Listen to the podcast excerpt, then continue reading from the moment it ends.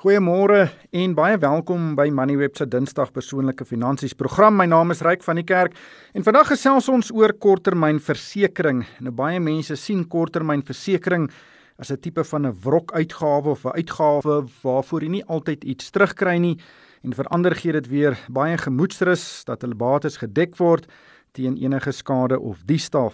Nou ek het 'n brief van 'n luisteraar ontvang wat verskeie interessante vrae vra oor die korttermynversekeringsbedryf en ook korttermynversekeraars en ons gaan vanoggend hierdie brief bespreek. My eh, kenner om my te help is eh, Sumari Grybe, sy is van Naked Insurance. Sumari, baie welkom by die program.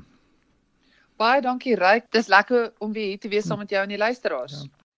Nou die brief kom van Gerard Martens van Oos-London en hy sê hy is al 15 jaar lank by 'n baie bekende Suid-Afrikaanse versekeraar verseker. En uh, hy het tydens hierdie tydperk sê hy heelwat of baie min geëis. Nou hy sê hy het uitgewerk dat hy die afgelope 15 jaar meer as 220 000 rand aan premies betaal het. En in hierdie tydperk het hy net 3 keer geëis en uh, hy sê dit was vir 'n klein ongeluk en twee selfone wat hy laat val het en uh, die gesamentlike bedrag vir hierdie eise beloop so wat R32000. Nou uh, Gerard skryf, hy sê hy het 'n advertensie op die televisie gesien en hy het toe besluit om 'n ander versekeraar vir 'n kwotasie te nader en hy sê hy was verstom oor wat daar uitgekom het. Hy sê die kwotasie was baie laer as die premie wat hy reeds betaal by sy versekeraar van 15 jaar Hy sê die kwotasie was R1500 'n maand teenoor die R3100 wat hy betaal het en hy sê hy is baie kwaad want sy lojaliteit is glad nie beloon nie. En nou vra hy 'n hele spul vrae wat ons nou vandag gaan bespreek. So maar kom ons begin net by die die voor die hand liggende vraag. Kan dit wees dat 'n versekeraar iemand se risikoprofiel so verskillend takseer veral waar die duurder een is die versekeraar waar die kliënt nou al 'n baie lang tyd was? Dis 'n baie goeie vraag reik om te bepaal hoeveel om 'n persoon te vra om 'n sekere risiko te dek is nie altyd so maklik soos wat dit klink nie. En meeste van die versekeraars het baie kompliseerde ehm um, prysmodelle wat dan besluit um, vir hierdie particular profiel met ons soveel vra versus 'n uh, ander profiel met ons dubbel soveel vra. So dis definitief moontlik dat die twee versekeraars baie verskillende modelle het wat wat wat die risiko bepaal en en dat die versekeraar by wie hy die die nuwe kwotasie gekry het dalk uh, nie soveel van hom weet soos soos sy huidige versekeraar nie. Dis definitief 'n moontlikheid en daarom baie goedkoper 'n prys kon vra. Maar in my ondervinding het dit baie keer te doen met nuwe besigheidspryse teenoor bestaande besigheidspryse. Ongelukkig in die Suid-Afrikaanse versekeringsmark om is die nuwe besigheidsmark verskriklik kompeterend en meeste versekeraars plaas risiko's op die boek in die heel begin teen pryse wat laer is as wat hulle regtig moet vra vir die risiko en dan deur hulle jaarlikse hernuwingsproses waar hulle dan weer vir jou 'n nuwe kwotasie gee vir die volgende jaar probeer hulle dan daai verskil opmaak tot hulle op die korrekte uh, bedrag is vir die spesifieke kliënt. So dit kan dalk ook 'n groot deel wees van hoekom daar so groot verskil was in in die prys wat die kliënt gekry het. Baie versekerings gee vir jou 'n premie en dan elke jaar styg daardie premie met 'n uh, 'n sekere persentasie gewoonlik die inflasiekoers en dan raak jou premie duurder. Forceer dit nie baie kliënte dan om gereeld elke paar jaar nou weer kwotasies te kry en dan na 'n ander versekeraar toe te skuif nie. Nee, korrek, heeltemal. So ek dink baie mense in die, in die publiek het die gewoonte om een keer 'n jaar as hulle hulle brief kry wat sê jou premie is nou nie meer 1500 nie, dis nou 1800, dan bel hulle hulle versekeraar en dan Ongelukkig sê die versekeraar gewoonlik vir hulle wag wag ek kan ek kan 'n sekere vir jou 'n laer premie gee ek is seker ek, ek kan ietsie hier ontsluit op die stelsel En by Naked het ons daai praktyk ook direk aangespreek want dit is een van die praktyke waarvan ek glad nie hou nie. Ek glo as jou versekeraar vir jou 'n prys gee, moet dit die beste prys wees wat hulle kan gee en hulle moenie op vir jou wag om in te bel om vir hulle te sê hoorie ek gaan kanselleer as jy nie my prys afbring nie. So by Naked het ons nie daai praktyk die prys wat ons jou vra is die beste prys wat ons kan Maar meeste ander versekeraars verwag van jou om een keer 'n jaar as jy 'n beter prys wil hê, in te bel en vir hulle te sê, "Hoorie, kan jy nie bietjie beter doen vir my nie?" Nou Gerard vra ook en ek dink dis ook 'n interessante vraag. Hy sê is daar wesenlike verskille tussen verskillende versekeraars? Die hele versekeringsindustrie word baie streng gereguleer en hulle solvensie word goed na gekyk deur deur streng genootskappe wat daar waar daar buite is wat wat deur die regering bestuur word ook. So ek dink in terme van kommer oor of hulle jou eise gaan betaal in terme van of hulle genoeg geld gaan hê, ek dink daar is baie sterk regulasie rondom dit. Ek dink die groter vraag wat jy moet vra is daar wel groot verskille tussen die produkte wat verskillende versekerings op die mark het in terme van die omvang van die dekking wat jy kry. Ek dink dit verskil nogal baie tussen die verskillende versekerings. Is goedkoop koop duur koop? Dit is 'n baie goeie vraag. Ek dink partykeer ja in my ondervinding, maar ek dink die vraag wat jy eerder moet vra is as jy 'n baie goedkoper prys kry, is die eerste vraag wat jy moet vra is is die produk minder omvattend as wat ek op die oomblik het. Baie van die produkte sal ekstra bybetalings hê onder sekere omstandighede, miskien as dit in jou eerste 3 maande is of as iemand anders die die kar bestuur of jou bybetaling in die geval van 'n ongeluk mag groter wees of jy het dalk nie haaldekking nie. So ek dink dit is altyd baie belangrik as jy 'n baie beter prys kyk, kyk baie mooi na die twee produkte, vergelyk hulle baie mooi met mekaar. Maar ek dink ook soos wat ons nou vorentoe beweeg in versekerings, gaan ons verskaffers kry wat die produk baie goedkoper kan produseer. En soos tegnologie groter insaag het in hierdie prosesse, en ons minder mense gebruik en en salarisse obviously dan nie betaal word nie, gaan dit moontlik wees om party van hierdie produkte presies dieselfde dekking in indien nie beter dekking nie teen 'n baie goedkoper prys aan aan die verbruiker te lewer. So kyk maar uit vir dit ook. Soos ek sê, ek is in daai ons naked speel in daai spasie van van tegnologie en outomatisering en dit gaan ook definitief 'n goeie positiewe impak hê op die pryse wat mense kan kry. Gerard vra ook, wat moet 'n mens in ag neem as jy 'n versekeraar kies? Is prys die enigste ding wat jy in ag moet neem of was daar ander dinge wat jy ook ernstig moet oorweeg?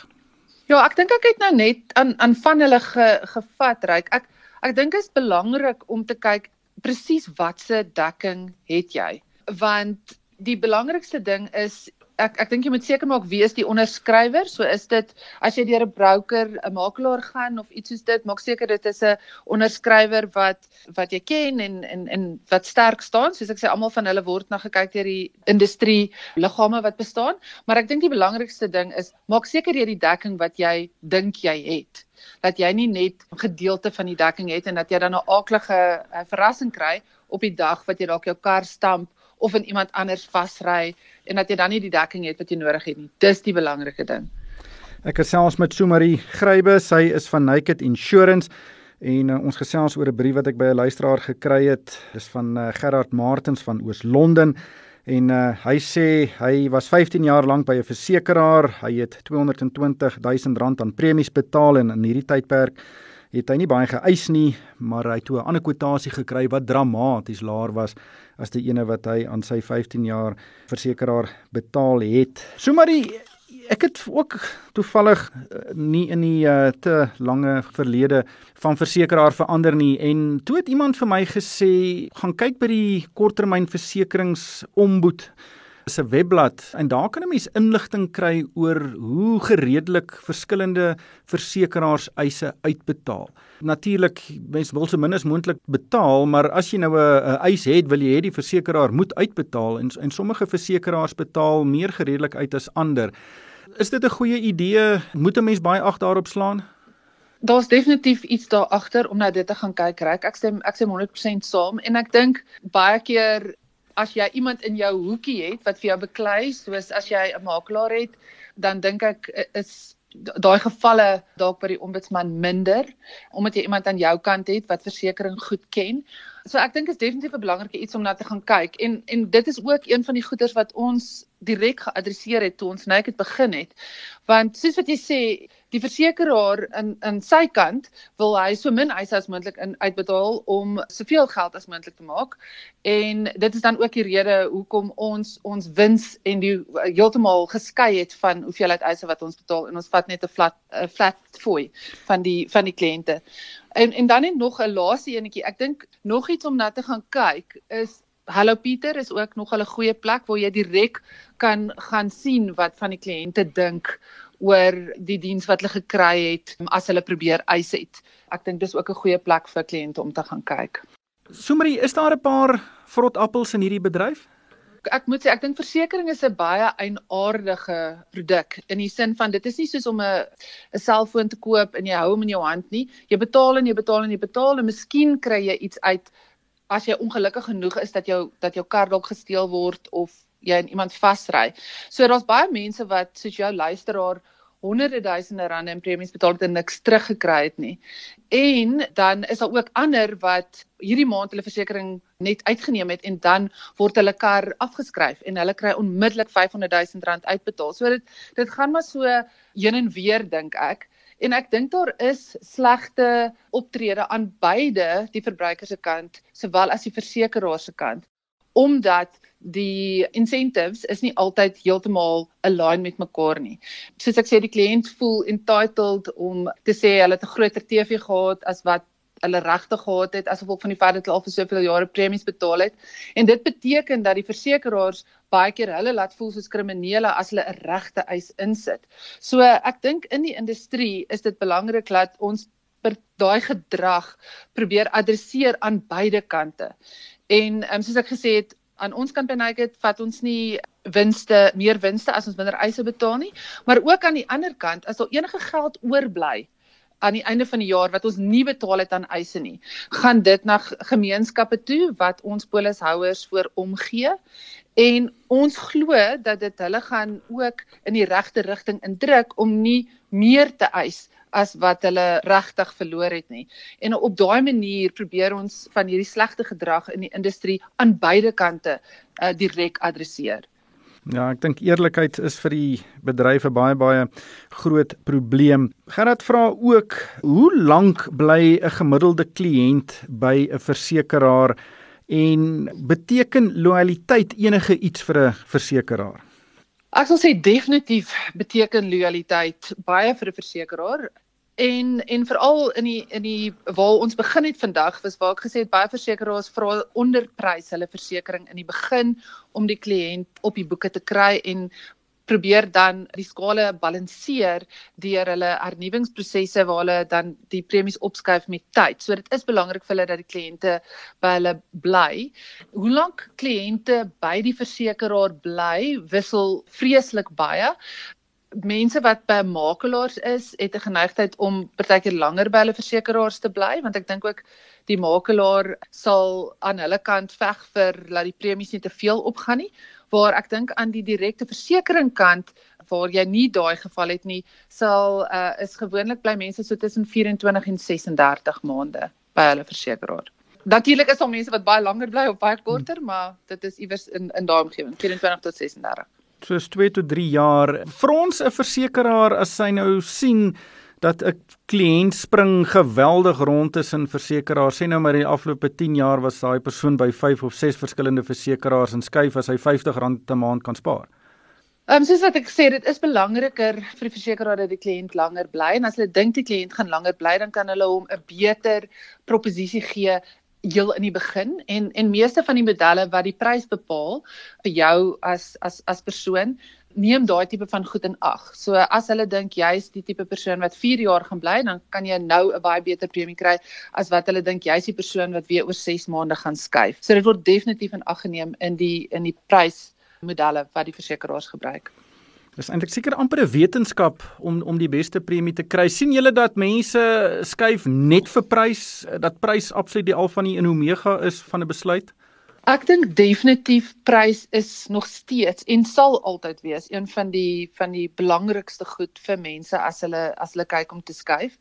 Maar daar's ander dinge waarna hulle ook kyk. Soos wat ek sê, vir baie van hulle is kyk wel na die produk. Hulle kyk wel na die vlak van die bybetaling En um, ek dink soos wat ons vorentoe beweeg, gaan gaan baie meer van die verbruikers ook kyk waarvoor die maatskappy staan of hulle glo aan hulle waardes en en wat is hulle selfvertroue of wat is hulle vertroue dat hulle eise wel betaal gaan word. So ek dink die verbruiker doen al hoe meer navorsing en kyk nie net bloot meer na prys nie, maar prys is definitief nog steeds baie belangrik.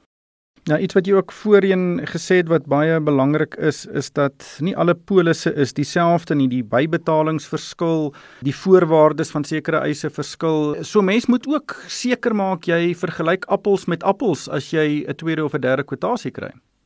Absoluut. 'n Mens kan nie net aanvaar dat jy presies dieselfde produk ehm um, gaan kry as jy van een verskaffer na ander een beweeg nie. So dit is baie baie belangrik. En ehm um, baie keer is die bewoordings wat die verskaffers het is is nie altyd so maklik om deur te lees nie.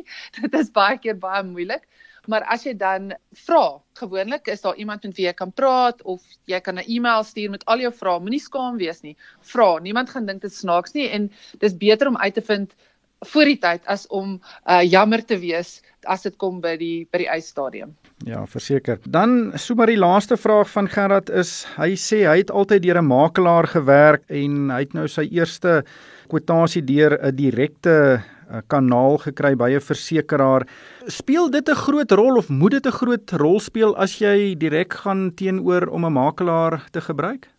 Die makelaar kry 'n 'n fooi vir die diens wat hulle lewer en as jy twee verskaffers het wat dit hulle presies dieselfde kos om die produk te produseer en jy sit op een dan 'n makelaar by, dan sal jy verwag dat dit die prys gaan gaan affekteer. So maar dit is nie altyd altyd die geval nie want dit hang af of die twee verskaffers die die produk teen dieselfde prys kan produseer of nie. So dit hang hang maar baie af maar die makelaar sit 'n ekstra bedrag by.